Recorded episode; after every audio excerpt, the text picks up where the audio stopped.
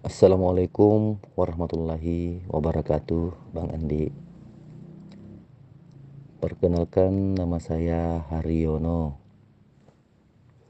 Mudah-mudahan Bang Andi dimuliakan rezekinya kepada Allah Dan diberi kesehatan seluruh keluarganya kepada Allah. Amin. Alhamdulillah saya sudah mengikuti DN 7 bulan lalu Ban. Begitu banyak yang saya rasakan di antaranya Ban. Saya pernah mengalami keringat panas dan dingin. Saya pernah mengalami air mata menetes tapi tidak menangis. Saya pernah mengalami mata kiri dan kanan dikencangkan untuk ditutup rapat. Saya pernah mengalami berat badan kiri keringang, kanan berat. Saya pernah mengalami disujudkan, Bang. Saya pernah mengalami tidak bisa berdiri kayak dipatuk kakinya. Saya pernah mengalami sering mendongak, Bang. Saya pernah mengalami leher kanan saya tiba-tiba keras kencang tapi dingin. Saya pernah mengalami gatal-gatal. Saya pernah mengalami tangan kiri dan kanan kesemutan kayak kesetrombang. Saya juga pernah mengalami berputar sambil sambil air liur keluar banyak, Bang. Saya pernah mengalami telunjuk kanan saya sering goyang-goyang, Bang. Mudah-mudahan kejadian yang saya rasakan tadi bernilai positif untuk saya, Bang, dan keluarga saya. Bang, ini saya ada dua pertanyaan, Bang Andi. Pertama, tentang anak perempuan saya bang kebetulan anak pertama saya namanya Sopiara Tulariana bang anak saya ini bisa melihat makhluk abstrak bang. Dia masih umur 11 tahun. Apa mungkin ini pengaruhnya dengan DN yang saya lakukan bang? Dan kedua bang tentang diri saya sendiri bang. Sampai saat ini masih beberapa kali tidak bisa mengontrol emosi bang. Apalagi dengan istri dan anak saya. Terkadang saya masih kasar ketika berbicara bang. Terkadang juga saya zuzon apakah benar bang ungkapan yang mengatakan ketika kita memilih semakin dekat kepada Allah Subhanahu wa taala setan dan jin pun semakin mendekat untuk mengganggu kita. Cuma itu aja Bang pengalaman dan pertanyaan saya. Apabila ada tutur kata yang tidak berkenan di hati Abang, mohon maaf Ban.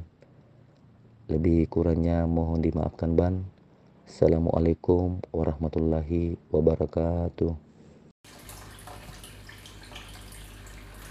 Waalaikumsalam warahmatullahi wabarakatuh. Terima kasih banyak Pak Aryono atas doa-doanya. Amin ya Allah. Ya semoga juga doa yang sama untuk Pak Aryono dan keluarga dan untuk sahabat-sahabat kita yang selalu menyimak di YouTube. Mudah-mudahan selalu dalam keberkahan, dalam naungan dan kasih sayang Allah. Amin ya Allah. Jadi mengenai pertanyaan pertama kalau ditanya apakah karena berDN bang? Anak saya itu sering melihat makhluk astral ya atau makhluk goib. Ya kalau menurut saya sih nggak ada orang yang mengamalkan DN tiba-tiba jadi sering ngelihat goib jarang ya. Kebiasaannya itu ya memang sudah ada potensi atau bakat tersendiri biasanya. Justru seperti anak-anak yang punya kelebihan khusus seperti anak indigo itu seharusnya kita mengarahkan harus diarahkan itu sebenarnya jangan ke makhluk goib wilayah jin tapi kita arahkan goibnya itu yang ke Allah ya goib itu kan banyak. Nggak hanya jin aja goib itu. Nggak hanya makhluk-makhluk yang gimana gimana. Goib itu kan banyak bentuknya. Jadi arahkan hanya kepada Allah.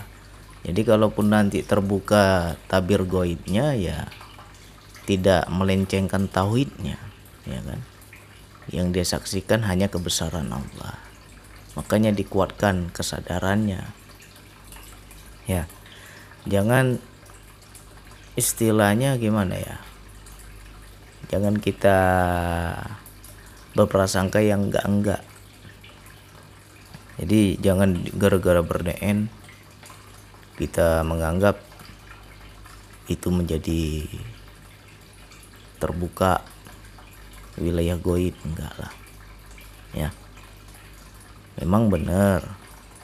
Untuk menyambung kesadaran kita kepada Allah untuk mendekat kepada Allah ya setan gak tinggal diam tetap godaan itu ada. Biasanya godaan itu datang ya untuk mengarah apa? Untuk menghentikan zikir kita, ya. Jadi mungkin ada kejadian begini. Mungkin teman-teman sering mengalami apalagi yang punya anak kecil.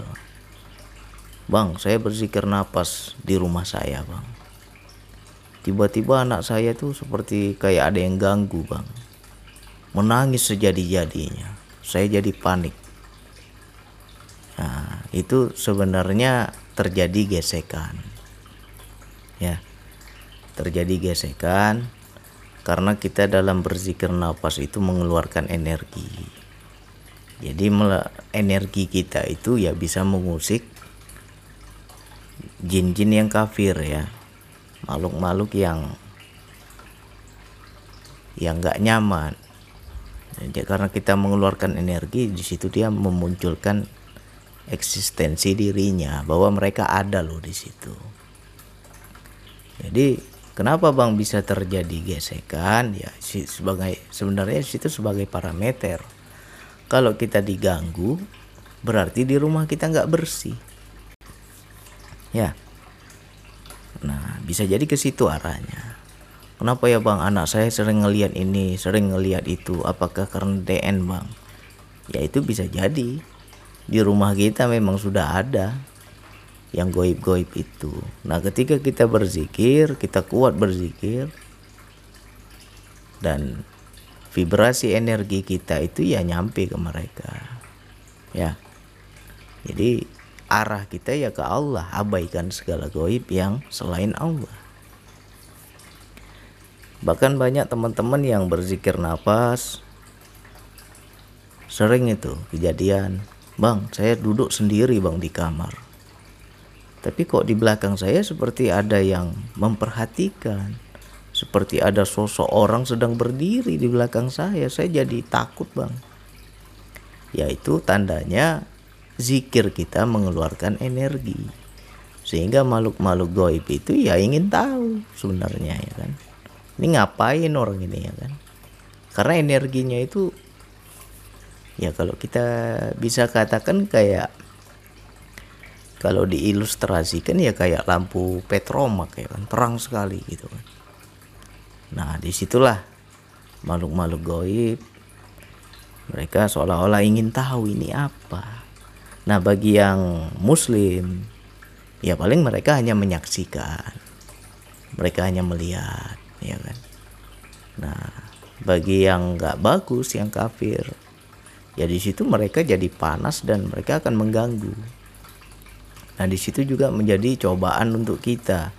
Kita takut lalu menghentikan zikirnya atau kita lanjut gitu. Ya, menjadi ujian.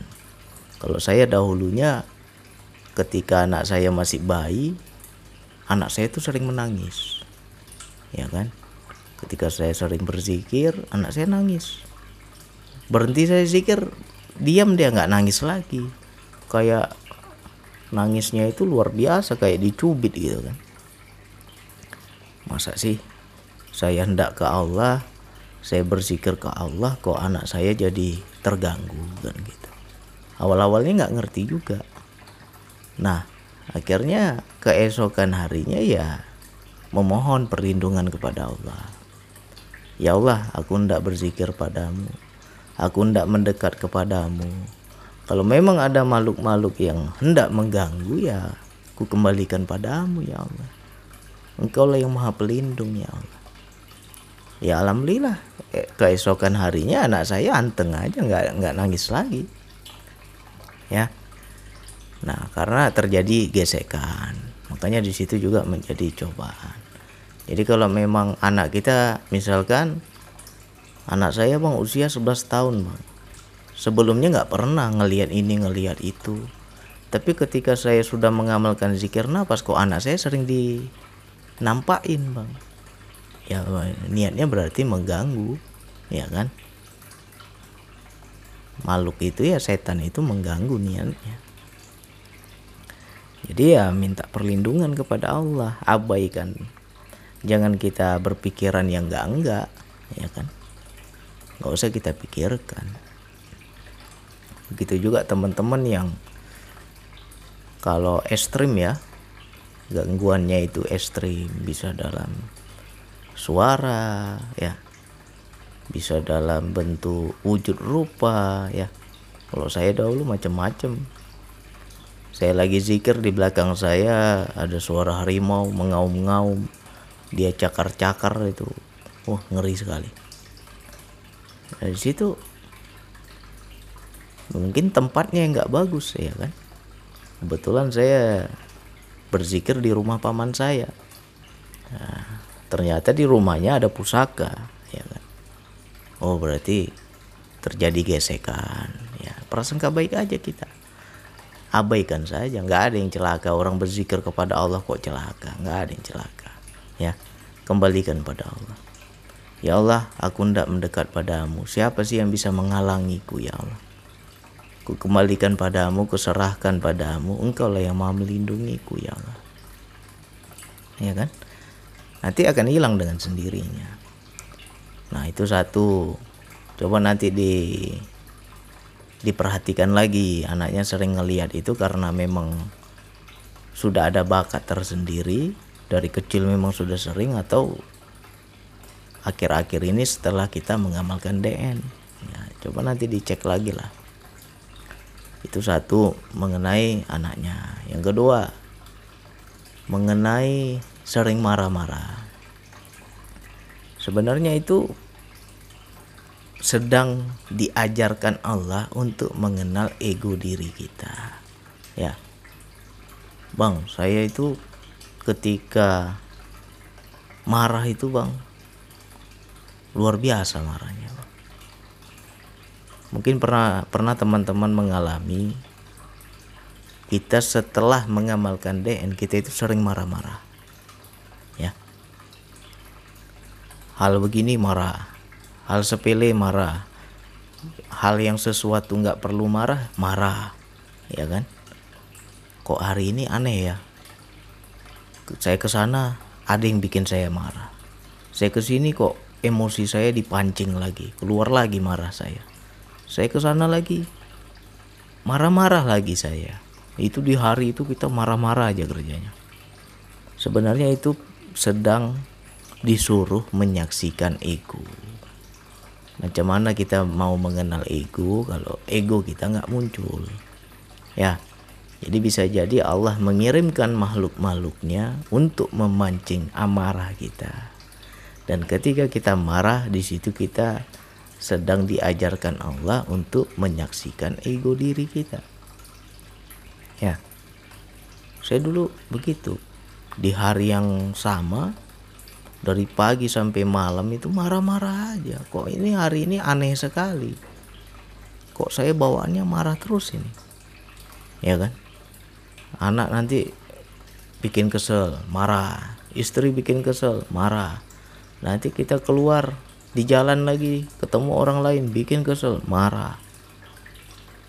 Marah-marah terus kita. Nah di situlah kita belajar menjadi diri yang sebenar diri jadilah jiwa si penyaksi. Pisahkan. Ya kan? Oh yang marah ini nafsuku. Oh yang marah ini egoku. Oh aku sedang menyaksikan aku marah. Kalau bisa menyaksikan berarti kita sudah menjadi diri sebenar diri. Banyak orang ketika marah dia nggak bisa menyaksikan bahwa dia sedang marah. Kalau kita bisa menyaksikan, di situ kita baru yang dikatakan dengan kenal diri. Ya, kenal diri itu banyak, bukan kenal jiwa saja, bukan kenal nafs saja. Seperti nafsu, ego itu kan bagian diri kita juga. Harus kita kenali. Ya kan? Jadilah si penyaksi. Nah di situ kita bisa menyaksikan. Oh ini nggak perlu aku ikuti ini salah ini nggak boleh. Ya kan nah akhirnya apa terjadilah interaksi di dalam diri seperti apa interaksi di dalam diri ya berperang dengan diri sendiri ya jadi itulah yang dikatakan musuh terbesar itu bukan di luar. Kalau kita salah paham sama orang, kita kesel sama orang, kita marah sama orang, kita anggap orang itu musuh itu belum musuh. Musuh yang sejati adalah di dalam diri kita. Nah, kita sebagai jiwa, sebagai diri yang sebenar diri harus menang. Ya. Harus bisa mengendalikan boleh kita saksikan, boleh kita dengar, boleh kita pandang, boleh kita lihat. Tetapi kita jangan sampai mengikutinya. Ya, terkadang dorongan amarah itu kan luar biasa, kita nggak bisa nolak kadang. Spontan aja keluar itu ya kan. Nah, bagi orang-orang yang kenal diri di situ ya ditegur sama Allah. Spontan cepat itu Allah langsung tegur Gak perlu kau marah-marah, ego pula kau ikuti. Ya. Kalau bahasa manusia itu begitulah. Allah langsung ngomong itu, ya kan? Terkadang kita hal sepele marah, langsung apa? Seperti negur kita itu. Segitunya kah kamu marahnya? Padahal aku ini maha pengasih, maha penyayang. Andai kata aku ini pemarah kata Allah. Lebih besar amarahku nggak ada sisa makhluk di dunia ini kata Allah. Ya justru karena lebih besar rahmatku lah aku sering memaafkan kalian. Itu Allah ngomong. Kita menyaksikan kita mendengar. Akhirnya apa? Malu kita sama Allah iya juga ya. Allah aja pengasih penyayang. Aku belajar kenal diri kenal Allah. Tapi kok aku nggak nggak kenal kasih sayang Allah? Ya kan? Akhirnya apa? Harus ada sifat Allah itu pada diri kita. Kalau kita betul kenal Allah ya. Allah itu pengasih penyayang pemurah. Ada nggak itu tercerminkan pada diri kita pemaaf ada nggak berapa banyak kita salah kepada Allah tapi masih Allah maafkan Nah ketika makhluk salah sama kita, kenapa kita nggak bisa maafkan? Ya kan? Nah jadi situlah kita belajar mengenal ego kita. Nah jadi kalau ditanya bang godaannya apa betul bang? Semakin dekat kepada Allah, semakin hebat godaan setan. Nah beda godaannya kalau orang nggak kenal Allah, kalau orang jauh dari Allah, ibaratnya ya orang yang betul-betul ahli maksiat lah, ya kan. Setan itu selalu ngajak yang buruk-buruk. Ayo berjudi, ayo mencuri, ayo korupsi, ah, ya kan. Itu orang-orang yang jauh dari Allah itu. Selalu tuh setan tuh bisikin yang buruk. Ya, ayo membunuh ayo begal ayo merampok macam-macam ayo gunjing orang ayo membuka aib orang nah itu masih kelas rendah itu kalau kita masih sering diajak yang jelek-jelek yang buruk-buruk itu setannya masih setan kelas bawah itu. Nah ketika kita sudah mulai mendekat kepada Allah eh setannya lebih tinggi lagi lebih halus lagi. Setan itu akan menggoda dengan cara disuruhnya kita buat yang baik-baik. Ya beda tadi ya orang dari jauh dari Allah suruhnya jahat. Tapi ketika kita sudah mulai dekat kepada Allah nggak mempan kalau disuruh jahat ya kan ini orang udah dekat sama Allah kok kok diajak jahat mana mau dia. Karena dia udah kenal udah paham ya. Jadi tipu daya setan disuruh kita buat yang buruk-buruk. Dibuat yang buruk-buruk tapi dipoles dengan kebaikan ya kan? Cuman tuh bang? Dipoles dengan kebaikan. Berarti setan itu baik ya bang? Karena dia ngajak baik. Bener. Secara syariat baik tapi secara hakikat ya buruk ya. Makanya banyak orang yang sudah semakin dekat kepada Allah banyak yang terpleset. Ya. Makin rajin dia sholat lihat orang nggak sholat benci dia sama orang nggak sholat. Ya kan? itu tandanya kita udah kena setan kelas atas itu. Ya. Udah jenderal itu setannya itu. Ya. Apalagi kita pinter agama. Lihat orang nggak paham agama ah, kita asik ceramah asik menghakimi orang. Mentang-mentang kita sudah ada ilmu agama. Ya kan? Kebanyakan begitu. Setan itu kalau sudah sudah tinggi keimanan kita ya dia nggak nggak nggak ngajak yang jahat. Yang baik-baik diajaknya ya kan apalagi di bisiki kita itu kebaikan-kebaikan. Oh kau sudah bagus. Oh kau sudah alim. Kau sudah suci. Ah, lihat orang gak suci kita pandang hina kita pandang sebelah mata kita pandang wah ini ahli surga ya ahli neraka ini. Ya kan? Enak kali kita anggap orang ahli neraka kayak kita udah dapat jaminan surga aja. Ya nah, begitulah kalau orang sudah kena bisikan setan kelas atas. Ya makanya makin banyak orang taat ibadah tapi semakin banyak menghakimi. Makin banyak ilmunya nah, makin banyak menghakimi. Lama-lama jadi hakim dia ya kan? Apalagi digodanya kita. Macam-macam lah sedekah yang banyak. Biar kau dianggap orang dermawan. Akhirnya biar tekor asal kesor kan banyak begitu kan? Terkadang kita sering kali bantu orang ya. Orang lain kita bantu. Saudara kandung sendiri tutup mata tak mau kita bantu. Itulah yang namanya biar tekor asal kesor sama keluarga sendiri pelitnya luar biasa. Sama orang baiknya luar biasa Padahal yang utama itu keluarga dulu seharusnya. Ya kan? Biar apa? Biar dianggap dermawan, biar dianggap ahli sedekah. Woi, padahal udah kena tipu setan kita. Yang wilayah-wilayah ini yang halus, banyak orang nggak nggak menganggap dia itu sedang diuji. Banyak orang mengang nggak sadar bahwa dia itu kena godaan. Ya, jadi untuk Pak Aryono ya kita belajar terus ya.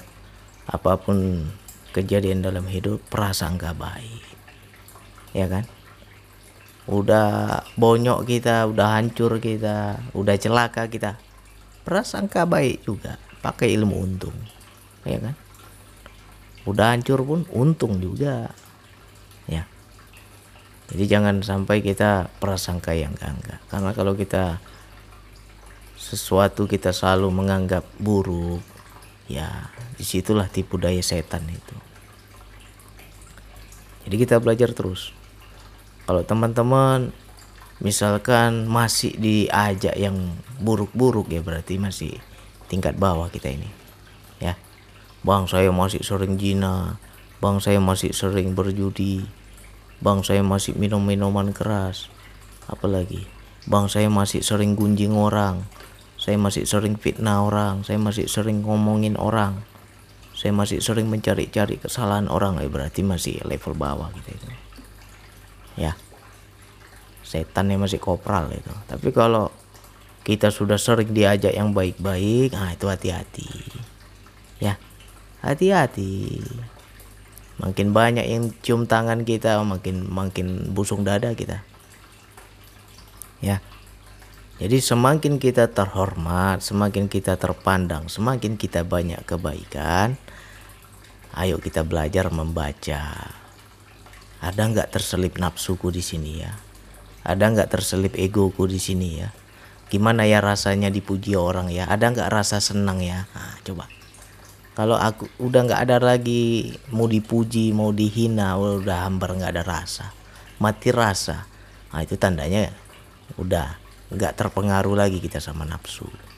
Tapi kalau dipuji orang oh senangnya luar biasa mintanya disanjung terus. Mintanya dipuji terus giliran kita dihina ngamuk kita. Ya kan? Kita ngomong harga diri. Ya. Nggak boleh harga diri kita jatuh.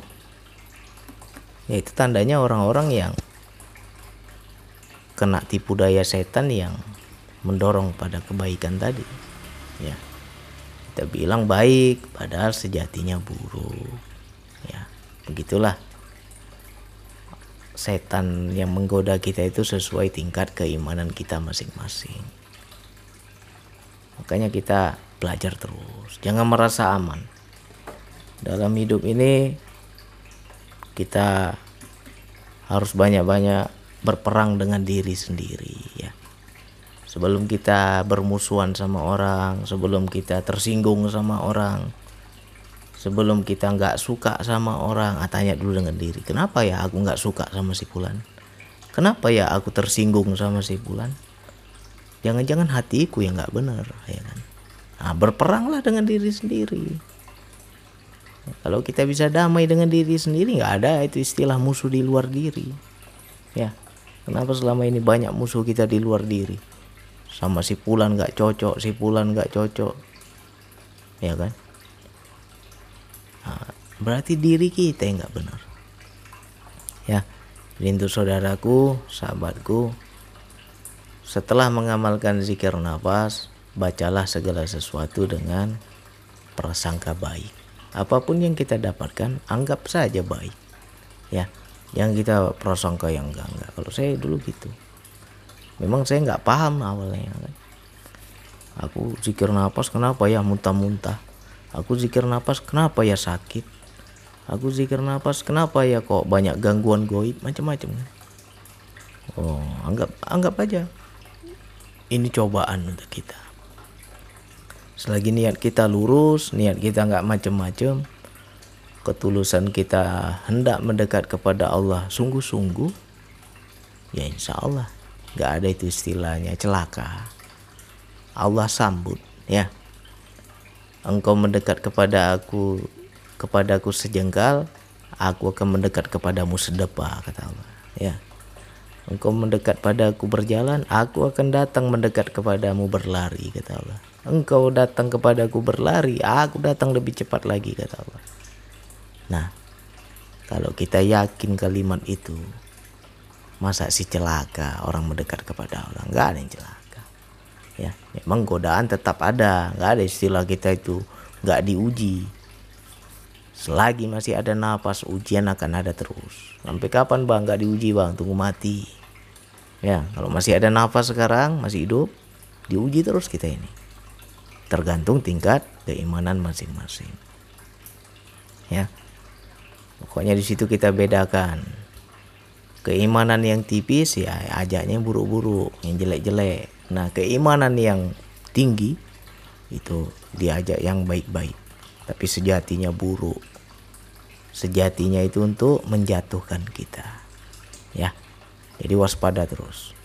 Hanya itu yang bisa saya sampaikan. Silakan diulang-ulang lagi mudah-mudahan teman-teman paham ya.